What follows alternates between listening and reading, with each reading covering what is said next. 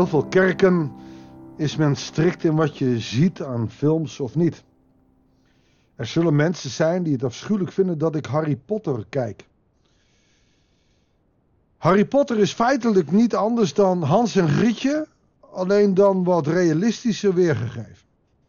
En toen ik van de week aan iemand moest uitleggen waarom openbaringen zo slecht gelezen werd, vergeleek ik het met de Bijbel is een soort van Hans en Grietje, goed en kwaad, en daar heb je verhaal over. En in ehm, openbaringen heb je een soort Harry Potter. Daar wordt het verbeeld als veel heftiger. En veel reëler. En je moet, je moet de vergelijking mee kunnen maken, maar wel bijzonder. Dat openbaringen dingen bevestigt in het visioen, wat Jezus bijvoorbeeld al heeft meegemaakt. De opstanding, het weer leven.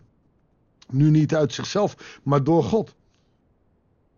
De profeten die vermoord werden. Het Oude Testament komt weer tot leven in openbaringen. Zo ook in openbaring 11. Zullen we dat maar weer gaan lezen? Goeiedag, hartelijk welkom bij een nieuwe uitzending van het Bijbelsdagboek.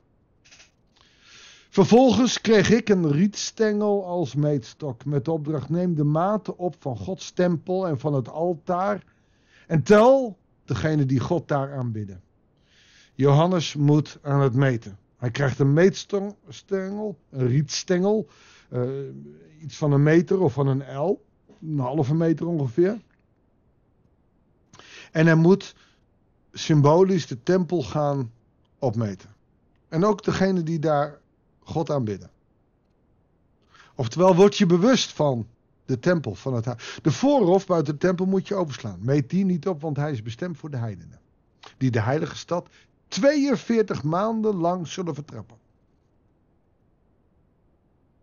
Dus er komen heidenen, die gaan de tempel vertrappelen. En dan doen ze 42 maanden over om, om de heilige stad kapot te maken. Ik zal mijn twee getuigen opdracht geven om te profiteren. Wie zijn die twee getuigen? Het is niet de geest en Jezus. Twee soort profeten. Twee engelen. We weten het niet precies.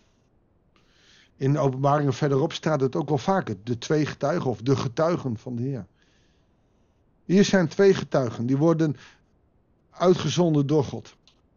Gedurende 1260 dagen zullen ze dat doen, gehuld in een boetekleed. Die 1260 dagen, dat zijn die 42 maanden uit vers 2. Gemiddelde maand van 30 dagen, 42 keer 30 is 1260 dagen. Dus die 42 maanden zullen de heidenen Jeruzalem vertrappen. Maar in die tussentijd komen de profeten die ze gaan confronteren, gaan spiegelen. Zij zijn de twee olijfbomen en de twee kandelaars die voor de Heer van de wereld staan. Oké, nu worden ze opeens geassocieerd met een olijfboom en een kandelaar. En die kandelaar van Israël, die lijkt veel op een olijfboom. Er zitten altijd van die bultjes aan als, uh, als de olijven. Als iemand hun kwaad wil doen, komt er vuur uit hun mond dat hun vijanden verteert. Oftewel, deze twee profeten moeten van mij profiteren. En ze zijn mijn getuigen. En ze zullen hun verhaal vertellen. Wat ze gaan getuigen, lezen we niet. Maar ze worden beveiligd door het vuur uit hun mond. Dat zou je kunnen zien als de geest. Op die manier zal iedereen die hun kwaad wil doen, moeten sterven. Zij hebben de macht om de hemel te sluiten, zodat er geen regen valt zolang zij profiteren. Dus dat is die 42 maanden. Ook hebben ze de macht om water in bloed te veranderen. Verder kunnen ze, dan denk je weer aan de profetieën of aan de gebeurtenissen in, uh, in het Oude Testament als water in, in, in, in bloed verandert. Uh, als uh, er de tien plagen zijn in Egypte. Wanneer ze een getuigenis hebben afgelegd, vers 7, zal het beest dat uit de onderaardse diepte opstijgt, de strijd met hen aanbinnen, hen overwinnen en hen doden. Wat je hierin ziet is de strijd die Jezus ook met het kwaad heeft gestreden. En, en zelfs over de profeten zullen de mensen sterven. Zelfs onder christenen zullen de mensen sterven. Ik heb een goede kennis, mijn gemeente, moeite met een, een almachtige God. Want zijn broer was zendeling en die is inmiddels overleden aan kanker. Waarom is die gestorven? Hij deed alles voor de Heer. Hij had dan nog wel langer kunnen leven. Ja, zelfs de, de, de profeten zullen sterven.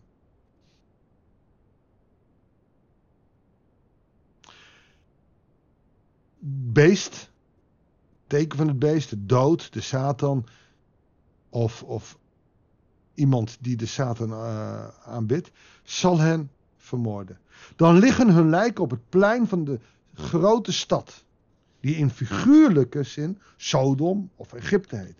Oftewel, het maakt niet uit, het staat voor het kwaad. Sodom en Gomorra, of Egypte, wat ook staat voor het kwaad. God wordt uit Sodom weggehaald. Zijn vrouw kijkt om, wordt een zoutpilaar, maar hij wordt eruit bevrijd. Het volk wordt uit Egypte bevrijd. Egypte, daar komt ook heel vaak het kwaad vandaan. De farao, die zichzelf een god waant. Stad waar ook hun Heer gekruisigd is. Hé, hey, wacht even. Is dat niet Jeruzalem? Ja, maar waar dus het kwaad heerst, daar wordt de Heer gekruisigd. En je zou ook kunnen zeggen, als jij zondigt, dan kruisig je als het ware de Heer weer. Die voor jouw zonde aan het kruis moet om jou te redden. Dus dat is figuurlijk gesproken.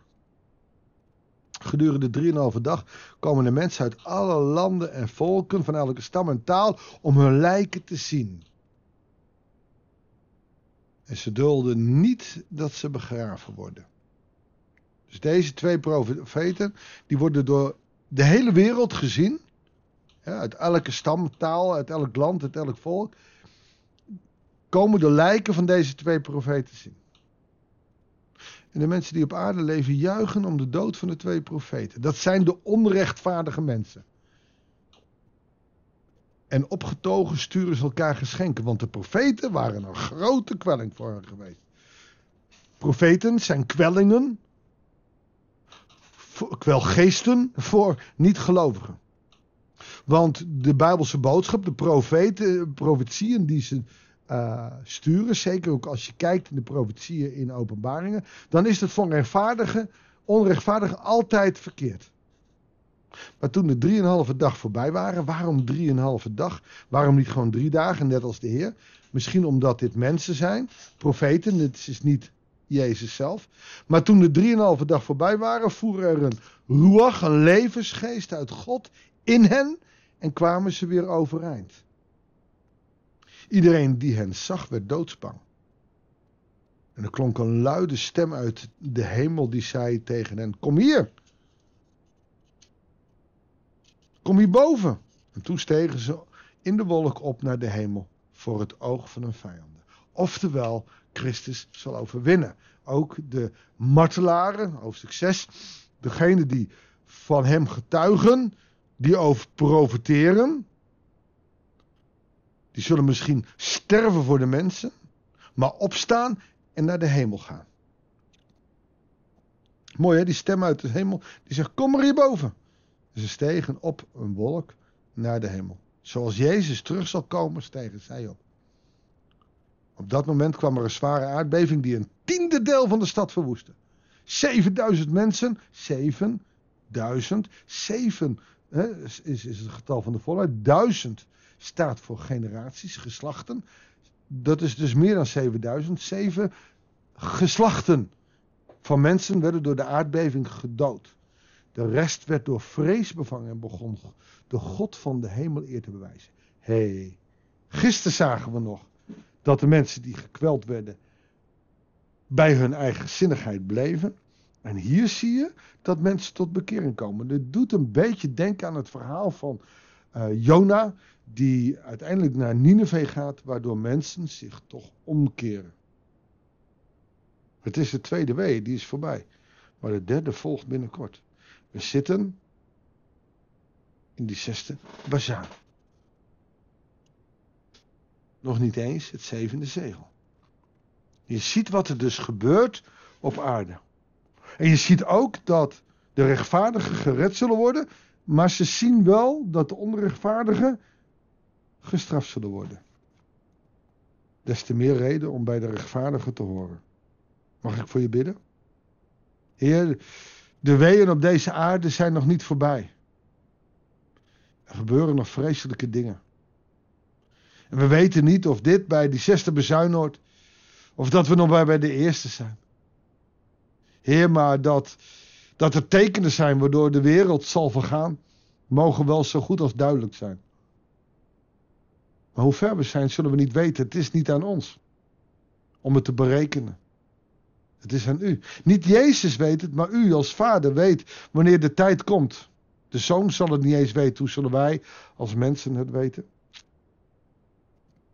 Heer, maar leer ons wel de tekenen van de tijd te verstaan. En dat we om ons heen kijken. En dat onrechtvaardigen, maar ook rechtvaardigen, de dood zullen vinden. Maar de rechtvaardige zal opstaan en zal naar de hemel komen.